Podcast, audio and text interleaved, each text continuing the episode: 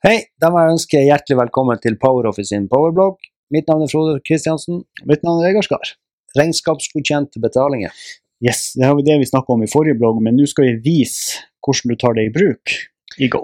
Det, det kommer nok til å bli eh, Det er jo en del innstillinger, egentlig ganske enkelt. Men, Mm. men hvis man ikke følger oppskrifta, så kan man eh, Jeg skal ikke si havne ut i trøbbel, men da kan det bli vanskeligere enn det det er. Ja. Så jeg tenker jo vi bare går inn i programmet, og så viser vi hvordan dere skal ordne de her eh, regnskapsgodkjente betalingene. Det er litt forskjell mellom Sparebanken 1 og DNB. Mm. Eh, sluttproduktet blir akkurat det samme, men det er litt, litt forskjellige innstillinger. Ja, Vi hopper inn i programmet. Vi gjør det. Her har vi jo satt opp en liten testklient. Det vil være akkurat samme som er i drift. Eh, og det vi har også gjort her på forhånd er, og det er greit å vite hvis dere ikke har gjort det ennå, vi har vært og bekrefta brukeren vår. Eh, da skal du ha et sånn lite blått skjold eh, attmed din profil. Hvis du ikke har det, så står det en knapp under som heter bekreft. og Se gjerne videoen hvordan du gjør det, men det skal være så enkelt som bare å trykke, og så er det å registrere seg med BankID. Ja. Ok, da er det egentlig å gå på Innstillinger, og så må vi gå inn på bankkonto. Ja.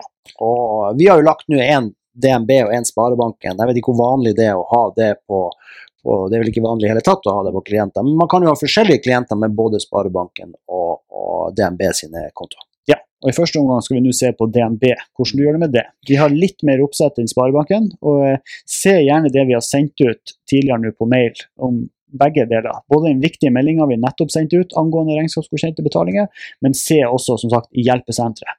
Og Hjelpesenteret er det lille spørsmålstegnet helt nederst i programmet her. Når du klikker inn der, det første du får se, er jo at vi har lagt den beskjeden der. Les på den, les på DNB eh, hvis dere bruker det, og les på Sparebanken hvis dere bruker det. Da går vi bare inn på DNB sin konto der, eh, og så ser vi eh, det som, som er nytt kommet opp. Der ser vi at vi har fått ei hake for 'ettergodkjenn i nettbank'.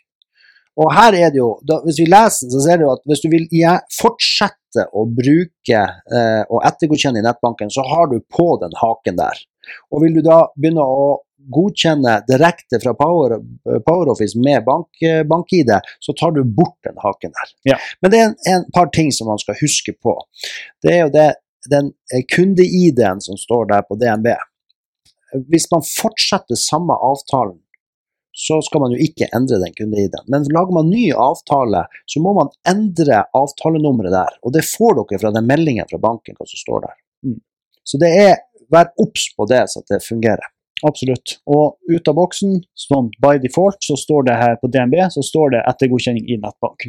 Så her må man bare huske å gå inn og huke den av, hvis du skal ha det sånn at det godkjennes i Go. Forskjellen eh, er jo rett og slett hvis jeg har på ettergodkjenning i nettbank, og det kan jeg vise nå, så er det at jeg da går inn på betalinger. Jeg trykker på i betaling, autoriser, og da får jeg eh, rett og slett bare å skrive inn passordet. Sånn som det egentlig alltid har vært. Sånn som det alltid har vært. Men hvis jeg nå går på innstillinger og da trykker på den og huker av, og så skal utføre en betaling, Mhm. da har det skjedd endringer, jeg autoriserer, og da kommer det opp med velg elektronisk ID, altså bank-ID. Ja, vi kan kanskje bare kjøre den betalingen. Ja, Nå må jo vi velge bank-ID via å legge inn en fødselsnummer, og Ja. da går jeg inn i portalen og henter eh, det. Jukse, juksetall, rett og slett. Juksetall. Og da er det 080894098382. Og OTP og QWER1234. Det er god, det er god blogg, det her. Ja. Nei, rett og slett, vi må jo bare jukse det til. Ja. Men det vil være som dere som sitter der ute, bruk vanlig bank-ID, sånn som dere kjenner det til. Vi skal bare vise at når det da det er gjort, så blir den betalinga godkjent og sendt til nettbanken, og godkjent i nettbanken.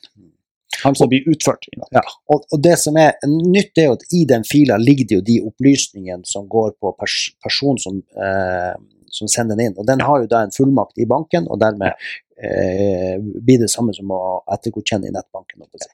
Så Der er jo hele kjernen til hvorfor det her skjer. er jo for at Banken visste ikke før hvem som hadde godkjent. Det lå i regnskapsprogrammet, men det kom ikke opp i nettbanken. Med dette så gjør det det. Det var DNB.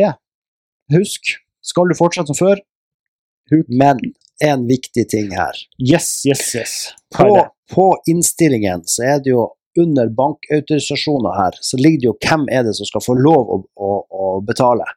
Og her må man gå inn på bankkontoen og se at divisjonsnummer og divisjonsnavnet er riktig. Mm. Eh, For det får dere vel et nytt, nytt nummer. Og da må dere gå inn på hver enkelt som skal autorisere. Ikke bare den ene, men hver enkelt må gjøre denne, gå denne, uh, endre eh, divisjonsnummer og divisjonsnavn. Har du ti brukere, så må det gjøres på ti. Mm. Ok, men når man da har gjort det, så er det opp og går. Du kan godkjenne betalinger i Go, og de blir utført i nettbanken. Og ikke minst, det går an å gjøre det på mobiltelefon.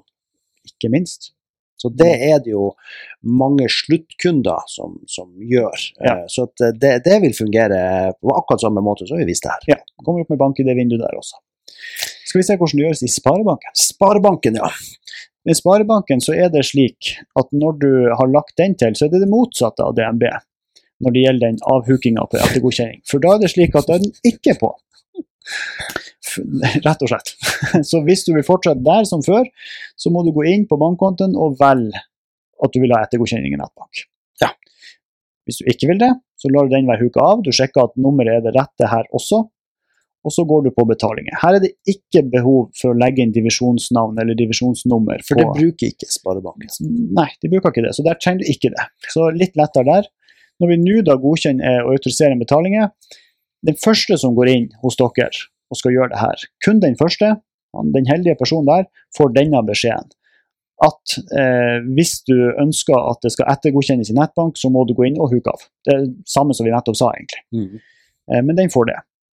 Eh, og når du da trykker 'autorisere betalinger', så vil det være bank-ID som kommer opp her også.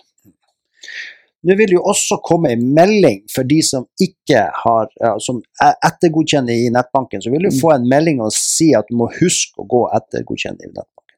Riktig. Så det skal være egentlig ganske greit. Så, så, så gå inn på hjelpesenteret vårt. Vi sier det jo hver gang, men det er viktig. Gå inn der. Les hvordan det her fungerer. Mm. Pass på at kundenummeret er riktig på DNB-kunder. Autoriseringa, legge inn divisjonsnummer og divisjonsnavn på hver enkelt bruker. Mm. Og så må man enten hake av eller hake på for å få det her til å fungere. Ja. Andre banker, eh, ja, altså sånn som f.eks. Danske Bank, der er det som før. Du kan godkjenne i Go, og det blir godkjent i nettbanken. Så dette er som sagt spesielt for DNB og Sparebanken. Det var det. Det var det for oss i dag. Så tjudelu. Tjullu.